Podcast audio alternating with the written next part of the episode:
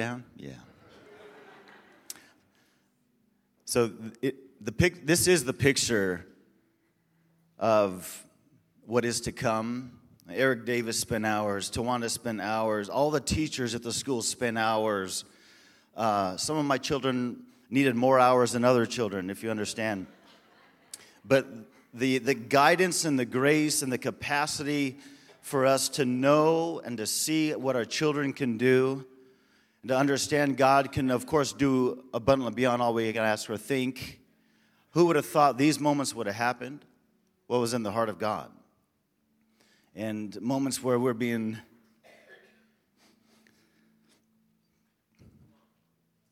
just led into the presence of God by the next generation just does my heart so good.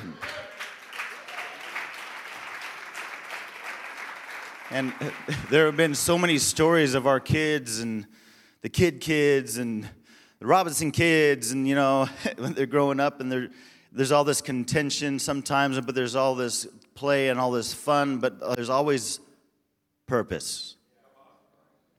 And if we can just grab hold of the purpose, and not just for our children, but for ourselves, for what God wants, man, what is God going to do? What can He do if we grab hold of His purposes? And that's what we're contending for this weekend. We're contending for God's purposes on earth. And if we can understand that really what's going on in, in this time and in this season is God's bringing a deposit back to His church. This whole weekend is a deposit coming back into our lives, a recognition of what His purposes are, His plans are, mandates places of obedience that we need to step into. Yes, but it's for His purpose. And what is His purpose? People. It's people. It's not pulpits, it's people. It's children, it's legacy, it's fathers and mothers looking for sons and daughters looking at them, seeing them, some lost, going to them and making sure they understand who they are so they could stand up to become mothers and fathers and do the same thing. It's the purposes of God. Uh, I have a thousand notes in here this morning, but I really feel like the Spirit of God wants to just move through just the Spirit of God this morning in our hearts to just reconcile, maybe even to help us come to new conclusions or new understanding, to help our minds, help us to think right about the kingdom of God. And the kingdom of God is a going kingdom. Kingdom. It's a going kingdom. It's moving, it's expanding, but it takes us to step into obedience. Did anybody else hear that? I don't know. It, it takes us to step into obedience. Amen? All right. You got to give me some feedback this morning, all right?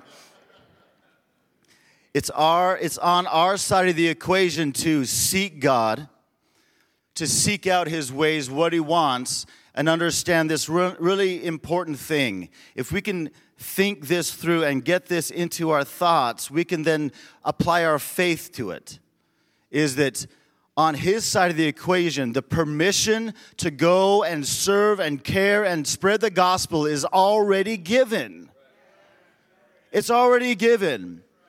And it's for us to realize that, understand it, learn, but go do. Have you ever, have you ever had on the job training?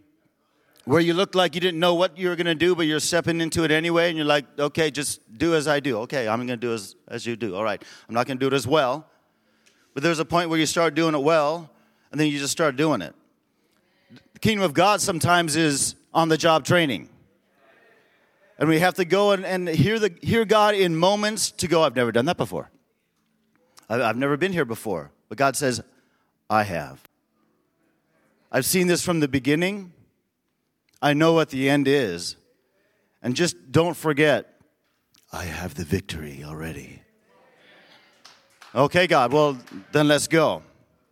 And if we, if we could really peel back the natural and look at what the Spirit is doing and the angels that are in this room right now, and yes, there's angels in this room right now, if we could peel this layer back, we could see, man, God really wants to empower us to go serve people, to go spread the gospel that will save lives. And all these things we work through in the natural and all these things that we contend with would just begin to fall away if we really understood God's side of the equation even more.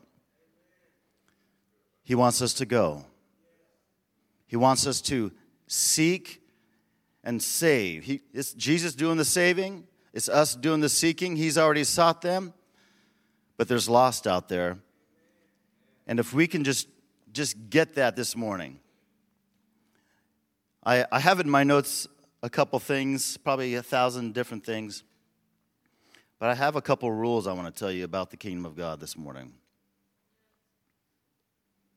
I have to find them. And have you ever worked on an iPad and you can just scroll and scroll and you'll never exactly find what you need until later? So I'm going to remember what the Spirit told me this, this morning. Rule number one this is about people. It's about our God. But if you remember, He sent His Son to seek and save that which was lost. He, he sent His Son for you, He sent His Son for people. Rule number one this is about people. Rule number two this is going to end with people. It's going to start with people.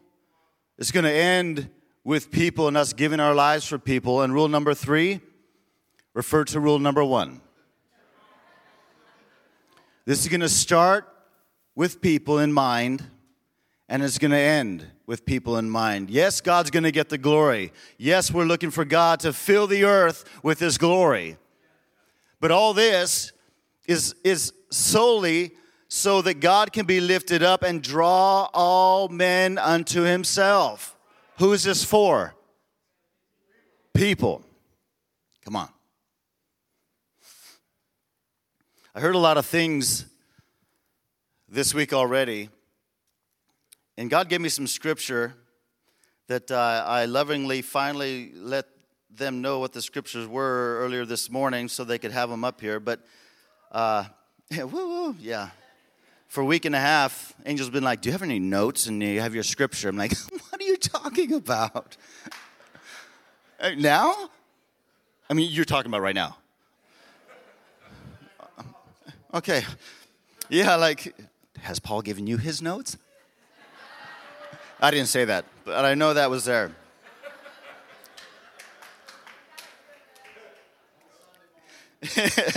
yeah. But what I will do, if I do say a scripture, I'll give you time.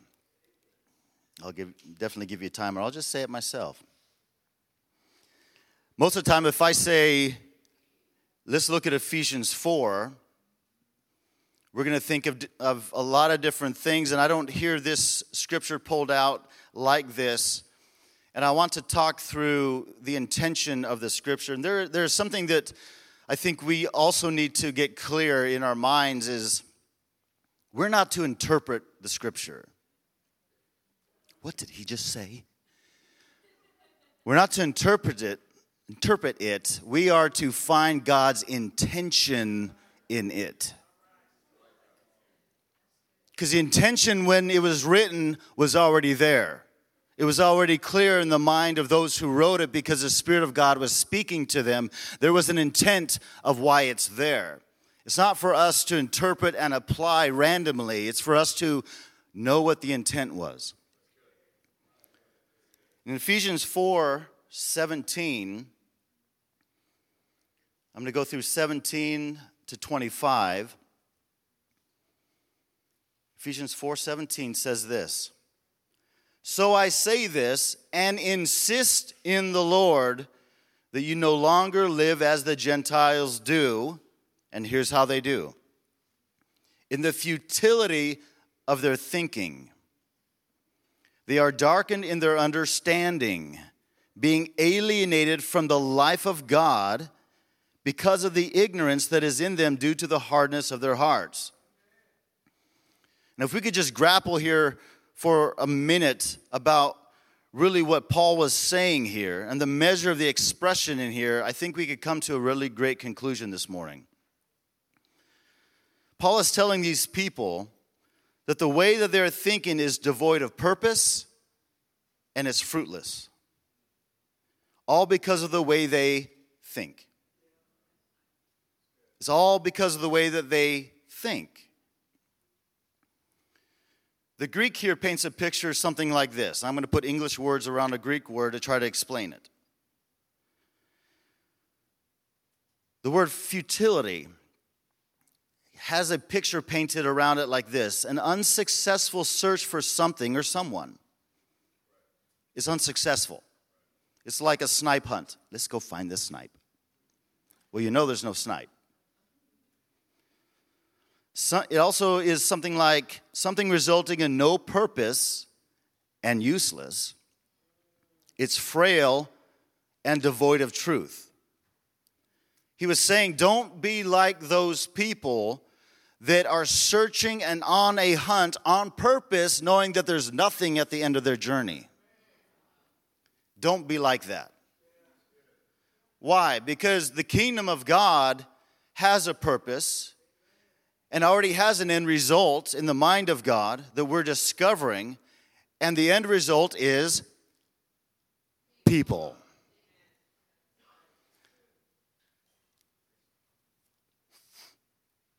So, when Paul's using words like this, he's attempting to convey that we cannot entertain a natural mind as the people of God, but must have our mind on the things of God, things above, and to constantly keep our minds open to the mind of God in faith and belief.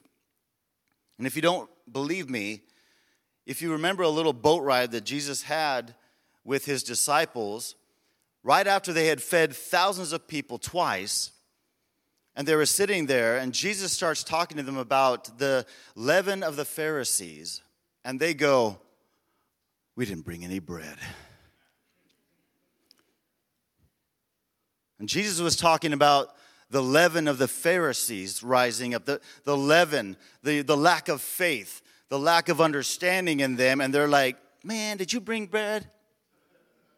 And I think of this YouTube video, I don't know if you've ever seen it. It's not about the nail. Have you ever seen that video? It's not about the nail. It's not about the bread. It's about understanding that Jesus is trying to reconcile our own minds to understand what the kingdom of God is about. It's about God, His glory, His power, filling the earth to save people. And for anybody who has something in their heart that God has placed in your heart, raise your hand. If you're not raising your hand, you must be dead. You got to raise your hand. Because something, there's always something that God has placed in our heart for us to do. There's no age limitation, there's no nationality limitation, there's no tax bracket limitation. It's the limitation on how we think. And if it's a limitation on how we think, then what must we do? begin to open our hearts and let what Paul said about the spirit of our minds be renewed. And what is the spirit? You look at the word, it's pneuma. What does pneuma mean? Does anybody know what that means? Breath, wind. We need the Spirit of God to come and blow on our minds this morning. Because what he has placed in your heart is something that he, on his side of the equation, there's already permission to do. There's process, yes. There's submission, yes. There is not going alone, yes. But there's something for you to do. When Janet and I moved here, we had already had in our heart and considered in our heart Tucson, Arizona. Not because we are from there, but it's amazing we're from there.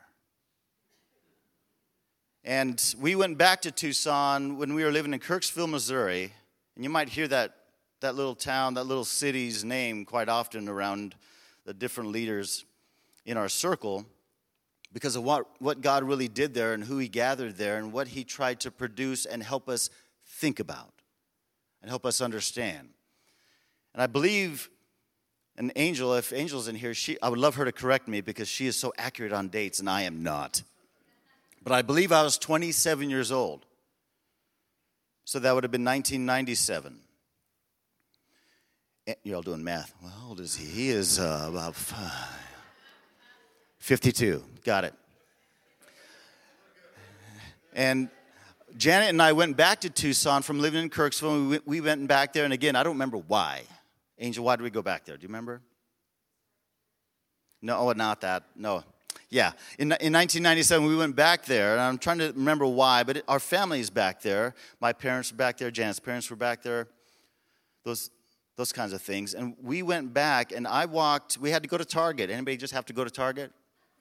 I just had to go to Target, and uh, especially living in Kirksville, Missouri, we had to go Target. Wow, that's amazing. But I remember walking right through those doors, and God slapped me right in the face. And God might not slap you in the face, but He tends to have to slap me in my face to get my attention.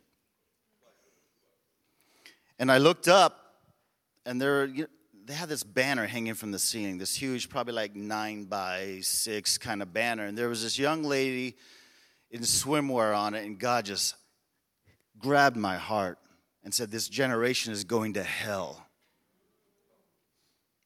This, city is going to hell, and what are you going to do about it? I'm just visiting Target.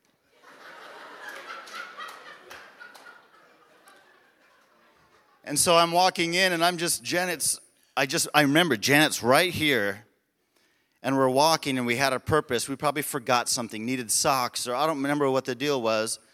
Um, actually, I think that's what it was. Now I think about it, we needed clothes or something just really quick, and like, we'll go to Target. And uh, that was an upgrade from Kirksville, by the way, Target. And uh, walking in, the Lord just said, And what are you going to do about it?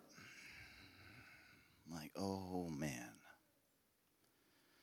And I love Tucson. You know, you love where you're from.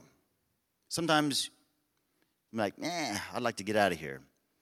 But I loved where I was from. My family was there. There's people I had grown up with there. I loved where I was from. And in that moment, God began to change my thinking about the city. And as He began to change my thinking, I didn't know what to do. You know, as a young man, I, I instantly thought, there's several stages of understanding what God wants you to do. First of all, He lets you begin to dream. You get something in your heart and you, you begin to dream, like, wow. For those of you who are married and maybe recently married, you know, you're like, I'm going to marry this woman, I'm going to marry this man. You're like, yeah, and you begin dreaming, right? Woo! Yeah, it's going to be great. In the things of God, the beginning of things that He puts in your hearts, He lets you dream and kind of check out the expanse and kind of push the walls back and kind of, I wonder if, I wonder if. And then a plan can come. And then there's a, uh, there's a going that, coming, that comes after the plan. And Janet and I went and sat down with our leader at that time, which is a, a very wise thing to do. And my leader heard my cry and heard me say that we need to go to Tucson and plant a church and my leader laughed at me. He laughed at me. And I, am so glad he laughed at me. Some of those laughs like, really? But it was also this laugh like, oh, you don't even know what that's going to take, son. And you're not ready. At 27 years old, in my immaturity and maturity, I'd been saved 17 years. I mean, come on, I've been saved 17 years at that time. Hey, I know the scripture. I know God's power. I know how He moves and what He does. And at that time, my leader laughs at me. I'm like, okay, do I harden my heart against this moment? No. I need to understand that there's more here. And really, what he was saying was, it's not time yet. I'm like, okay, I have to now contend with that. And so, what did I have to do? Begin to think and have my thoughts changed and renewed and modify my dreaming to now step into a process. And we have only been in Tucson for eight and a half years now. And do that math. From 27, that's some long math. But God needed something out of me and Janet and my family that to do in us, to change us. And I want to tell you that there, there came so much great processing, mostly on Janet's part, not my part. Um, actually, just the other way around. I am the most hard headed one here in this equation, and God had to process me. And He knew that if I went alone, and if I went out of just the dream, I would end up like so many other people looking for a ministry, looking for, yeah, serving people, but I would have built something for myself. Because I didn't have anybody to go with me, believe with me, contend for me, as we do now with Raleigh. And I can't tell you how many times, and and how precious it is when someone like Tom Bedford and Paul Kidd, any of my friends, any of you come up and say, We're proud of you. God's doing amazing things. Lay hands on us and pray for us. That we go, okay, we can do it. And there is permission here. And we feel God. And to go do that alone, I want to tell you, is such a miserable thing to do because we've seen it over and over again where people go to try to do what's in their heart and stand up for the dream but have no planning in place and have no one to go with them. I would not want it any different the way that we were sent out of here and the types of relationships and the comings and the goings that we have between Raleigh and Tucson and now Fresno and Tucson and soon Orange and Tucson and and soon just fill in the blank. Uh, we've had Glenn Middleton out there. Every state. Dustin, you're on your way here pretty soon, bro. We, there is something in the kingdom of God that as we get our minds right and we have a mind shift, have you ever heard the word mind shift? A mind shift, getting it corrected for a specific purpose is a mind shift. We need a mind shift in the kingdom of God.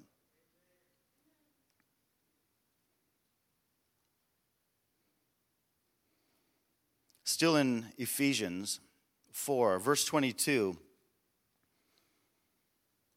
it says, You were taught with reference to your former way of life.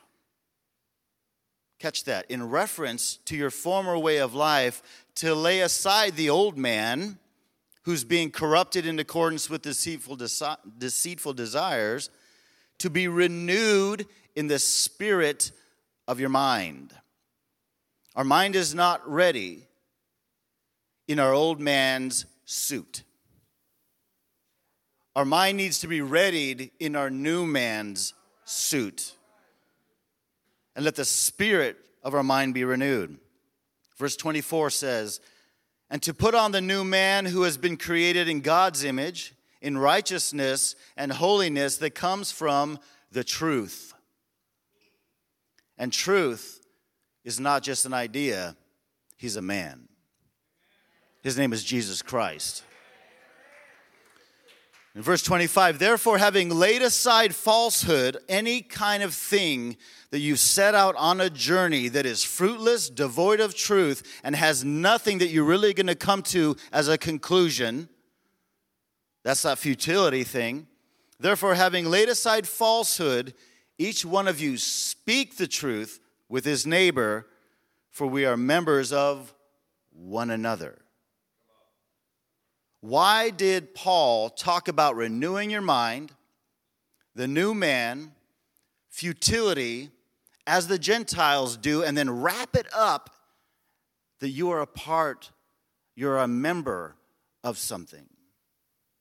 Why did he do that? Some of your Bibles might have broken that up. and just put a space there and title the next section. But it's not separate. Because this is new mind thinking. Not on your own, with. You're not separate, you're a part. And if this kingdom mandate in every one of your hearts about people, starting with people and ending with people, I want to tell you this journey, you're going to go along with people. This is not a you thing, it's a God thing. It's not a good thing, it's a God thing. Good ideas get us on journeys with fruitless ends. God ideas, He is in the journey, on the journey, and He is the end result.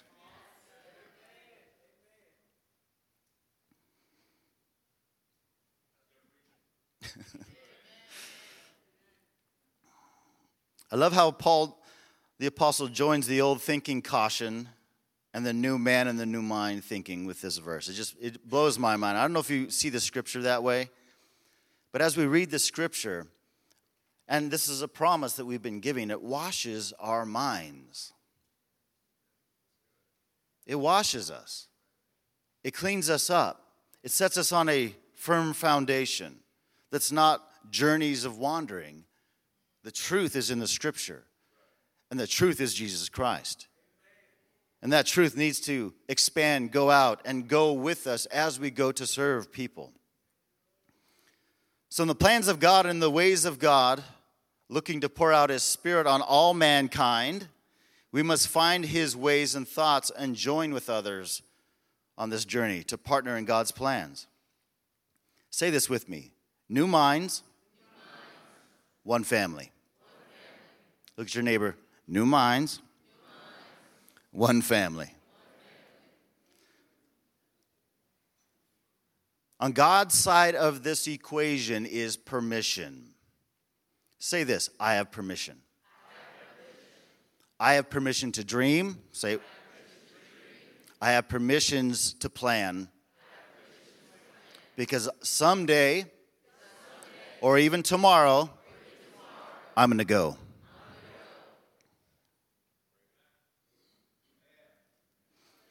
The evangelist might reverse this equation. They might say, I have permission to go. I might do some planning, but it's in my dream to do so. So, all you evangelists say amen. I know you. So, to, to fulfill God's commission, permission should be expected. To fulfill God's commission, permission should be expected. And there's no leader in this room or that you know that is humble that wouldn't love to see you go now. Sometimes we might go a little now, now, now. We might need a little bit of processing, amen. We might need a little refinement, amen. But there is something in the mandate and in the heart of God and the permission on His side of the equation that should get us at least stand up and begin to wonder is it now, God? And start looking and going, who else has this same thing that's in my heart? And I bet if you query this room, the things that are in your heart, you would find 15 people at least in the niche area potentially of what you want and what you want to see happen in God that's placed in your heart is places that in theirs. And so there's no excuse to go alone. There's no excuse to go alone. Why would you want to go alone? That forest doesn't look scary at all. I'll just go in there by myself. You've all seen a weird movie with a weird forest, right? I mean, it doesn't look so bad. I'm going to bring the biggest guy with me. Yeah, let's go in there. like, Mark Carballo, come here, buddy. Hey. Yeah, we're going to go this way. Go ahead. Okay, he made it. All right, good. We're like, ooh, oh.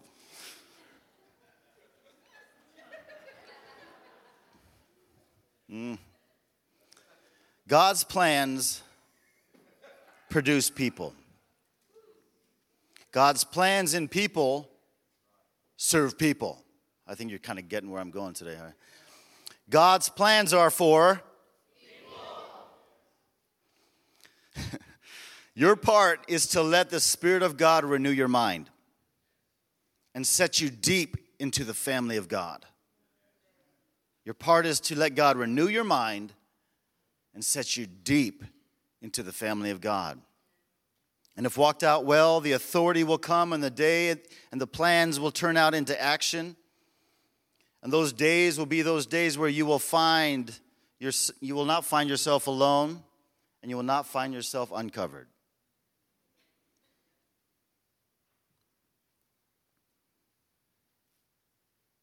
To say this another way, maybe, is as the process begins to saturate you and transform you by God's Spirit working in you, there will be a time when it breaks out of you and begins to move through you to affect those that are in your heart. The extension and the mandate of God, the expansion of God's kingdom, all this is God's idea. It's not man's idea. Man's idea is like home group, the type of way that we gather. God says, gather. God's idea is the large picture that comes down and sees every individual that is unique and precious to Him and we come around it in the ways that we can to affect the most people we can with our lives. This is God's idea. And I want to say that if you are waiting for it to be recognized by someone else, then you're going to wait too long. If you're waiting for, if they just, that prophet walks past me one more time and I look right in his eyes,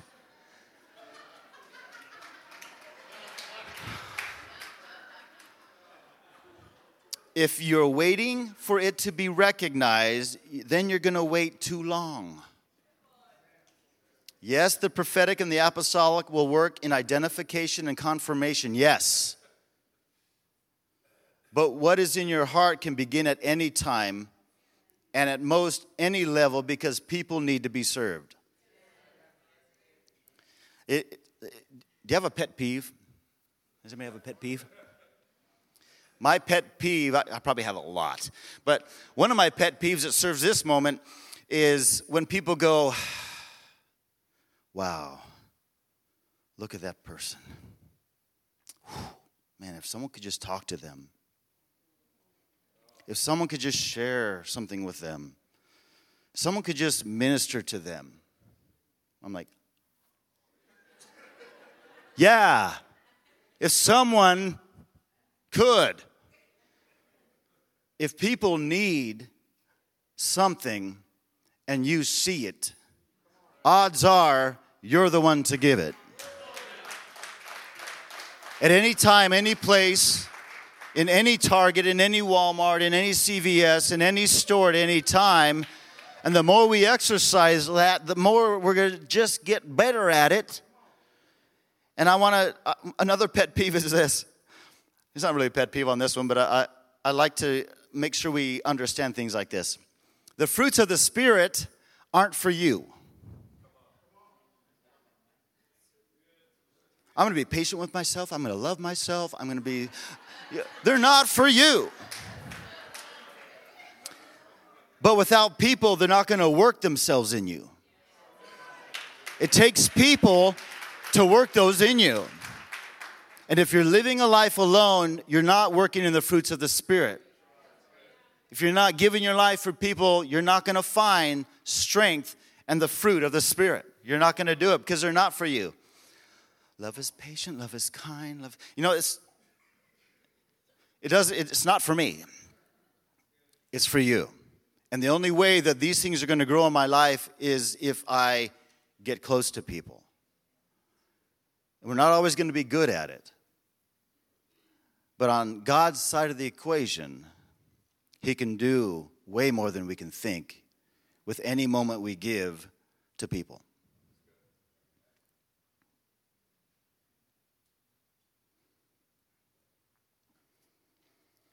I believe that we all need to go to God constantly to ask Him what He wants from us.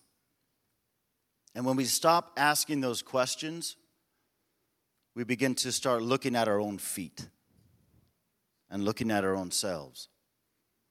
Yes, God wants to grow you, mature you, get you to a different place. Definitely renew your mind, definitely renew your spirit, right? He wants to bring truth to you, yes. But He wants to do that for people. Romans 12 3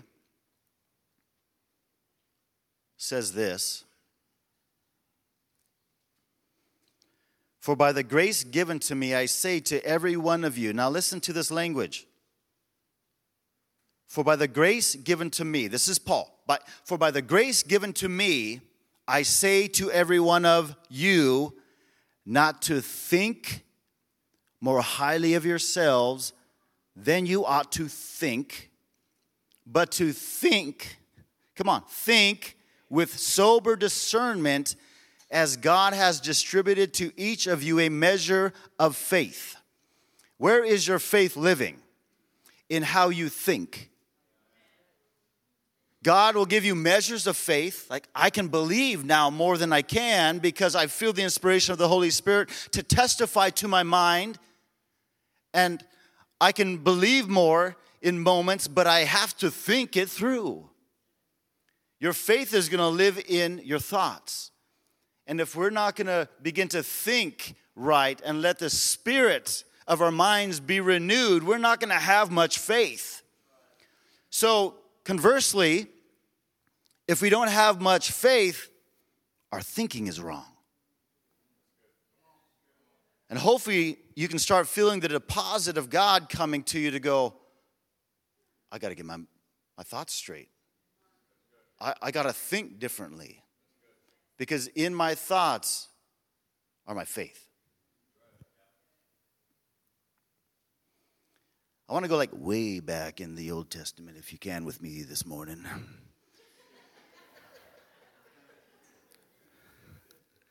to Deuteronomy. What?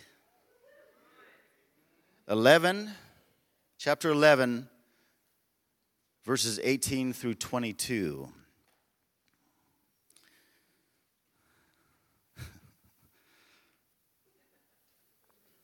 We have to keep our minds on God. And the scripture says on things above, right? Deuteronomy 11, 18 through 22. Fix these words of mine into your and minds. Do you hear it? Do you catch it?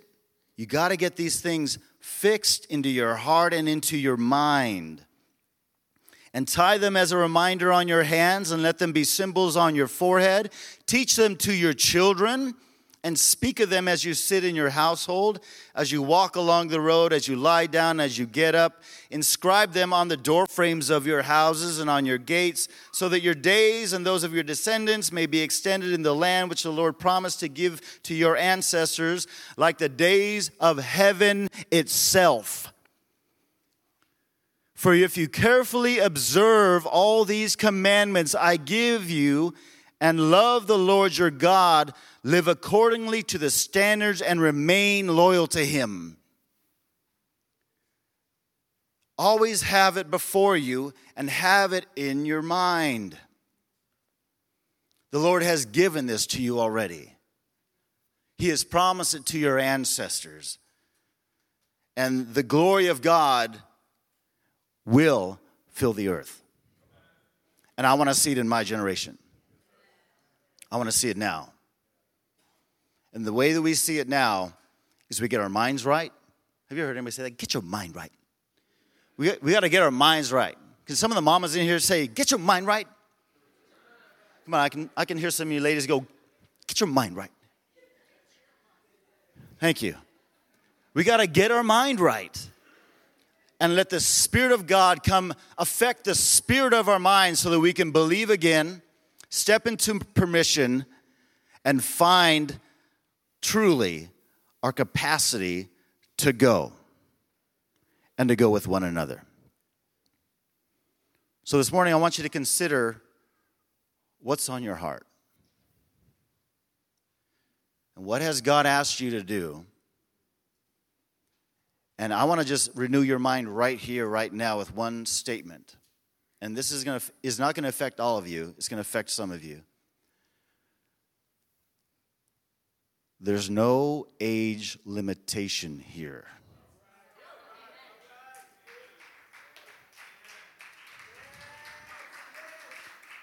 There's no age limitation here. Let's get that right. Every young person, I also, my generation, needs the generation who's gone before us to tell us the truth about what God has done. And we need to hear your faith, and we need to probably pull you in on some of our adventures. To come with us to go, don't go in that forest. Oh, Go around the forest. All right. Oh, I knew. Yeah, okay.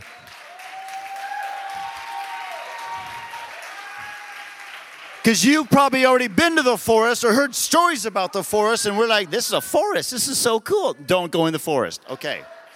Got it. I saw it eat Mark up. Yeah, I just thought I would go after and see what would happen to me. We need every generation we need every generation to believe again and have our minds straight and our minds right that we're not done and that we still have permission to go.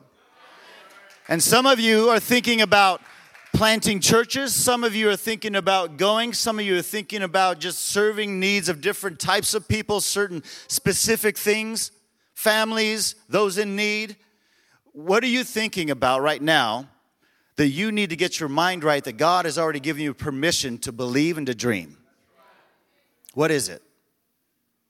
Come on, close your eyes right here. And be reminded, and let the Spirit of God come in this moment to remind you again, or maybe the first time, that He's called you and what is in your heart is real when it's framed by starting with people and ending with people.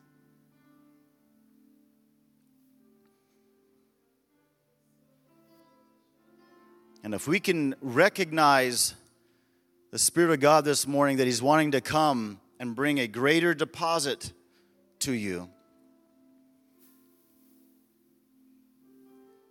that He is going to come and He's going to require, yes, put you in the fight, yes, stand with you, yes. But we've got to give God someone to stand with. So we stand for people.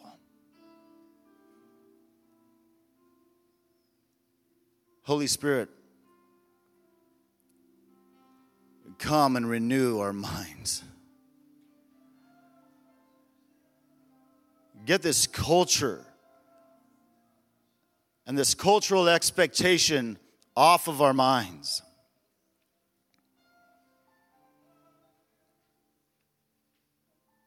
You said you'd be with us. You say you are for us, and therefore nothing can touch us.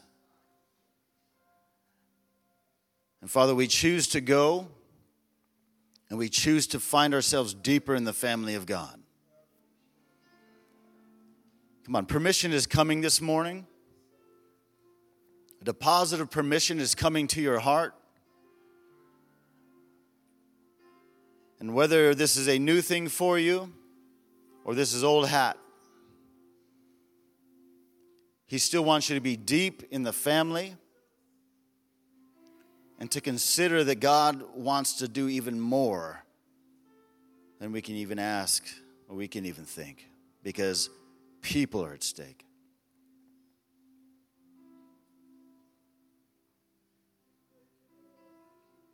I want to tell you there's a requirement coming of each one of us, and it's already here, but it sounds nicer when I say it's coming. Know your scripture, know the Spirit of God. Know that when you see the need, God would enable you to serve.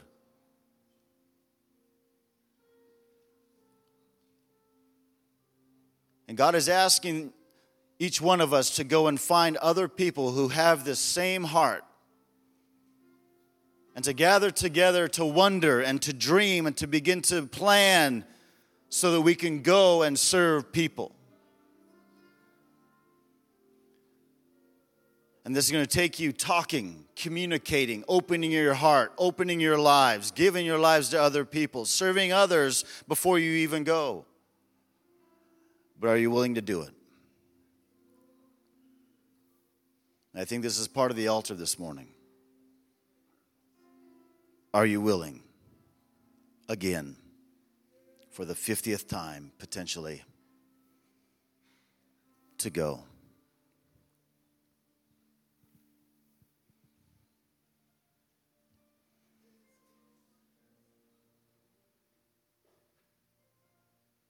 Another deposit is coming, either now or in a future season of authority to do it.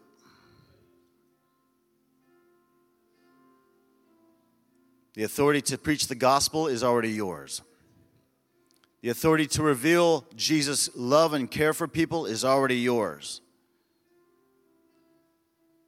Other mandates and other, other planning for going and planning a church, stepping into specific strategic modes.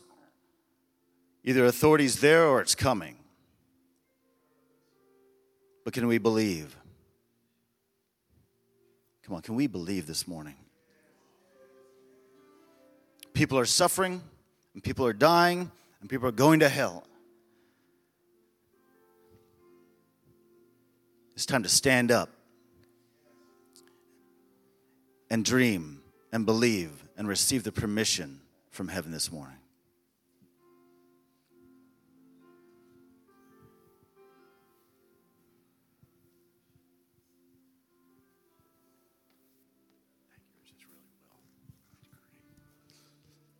Praise God. How many just received something from Rich's message?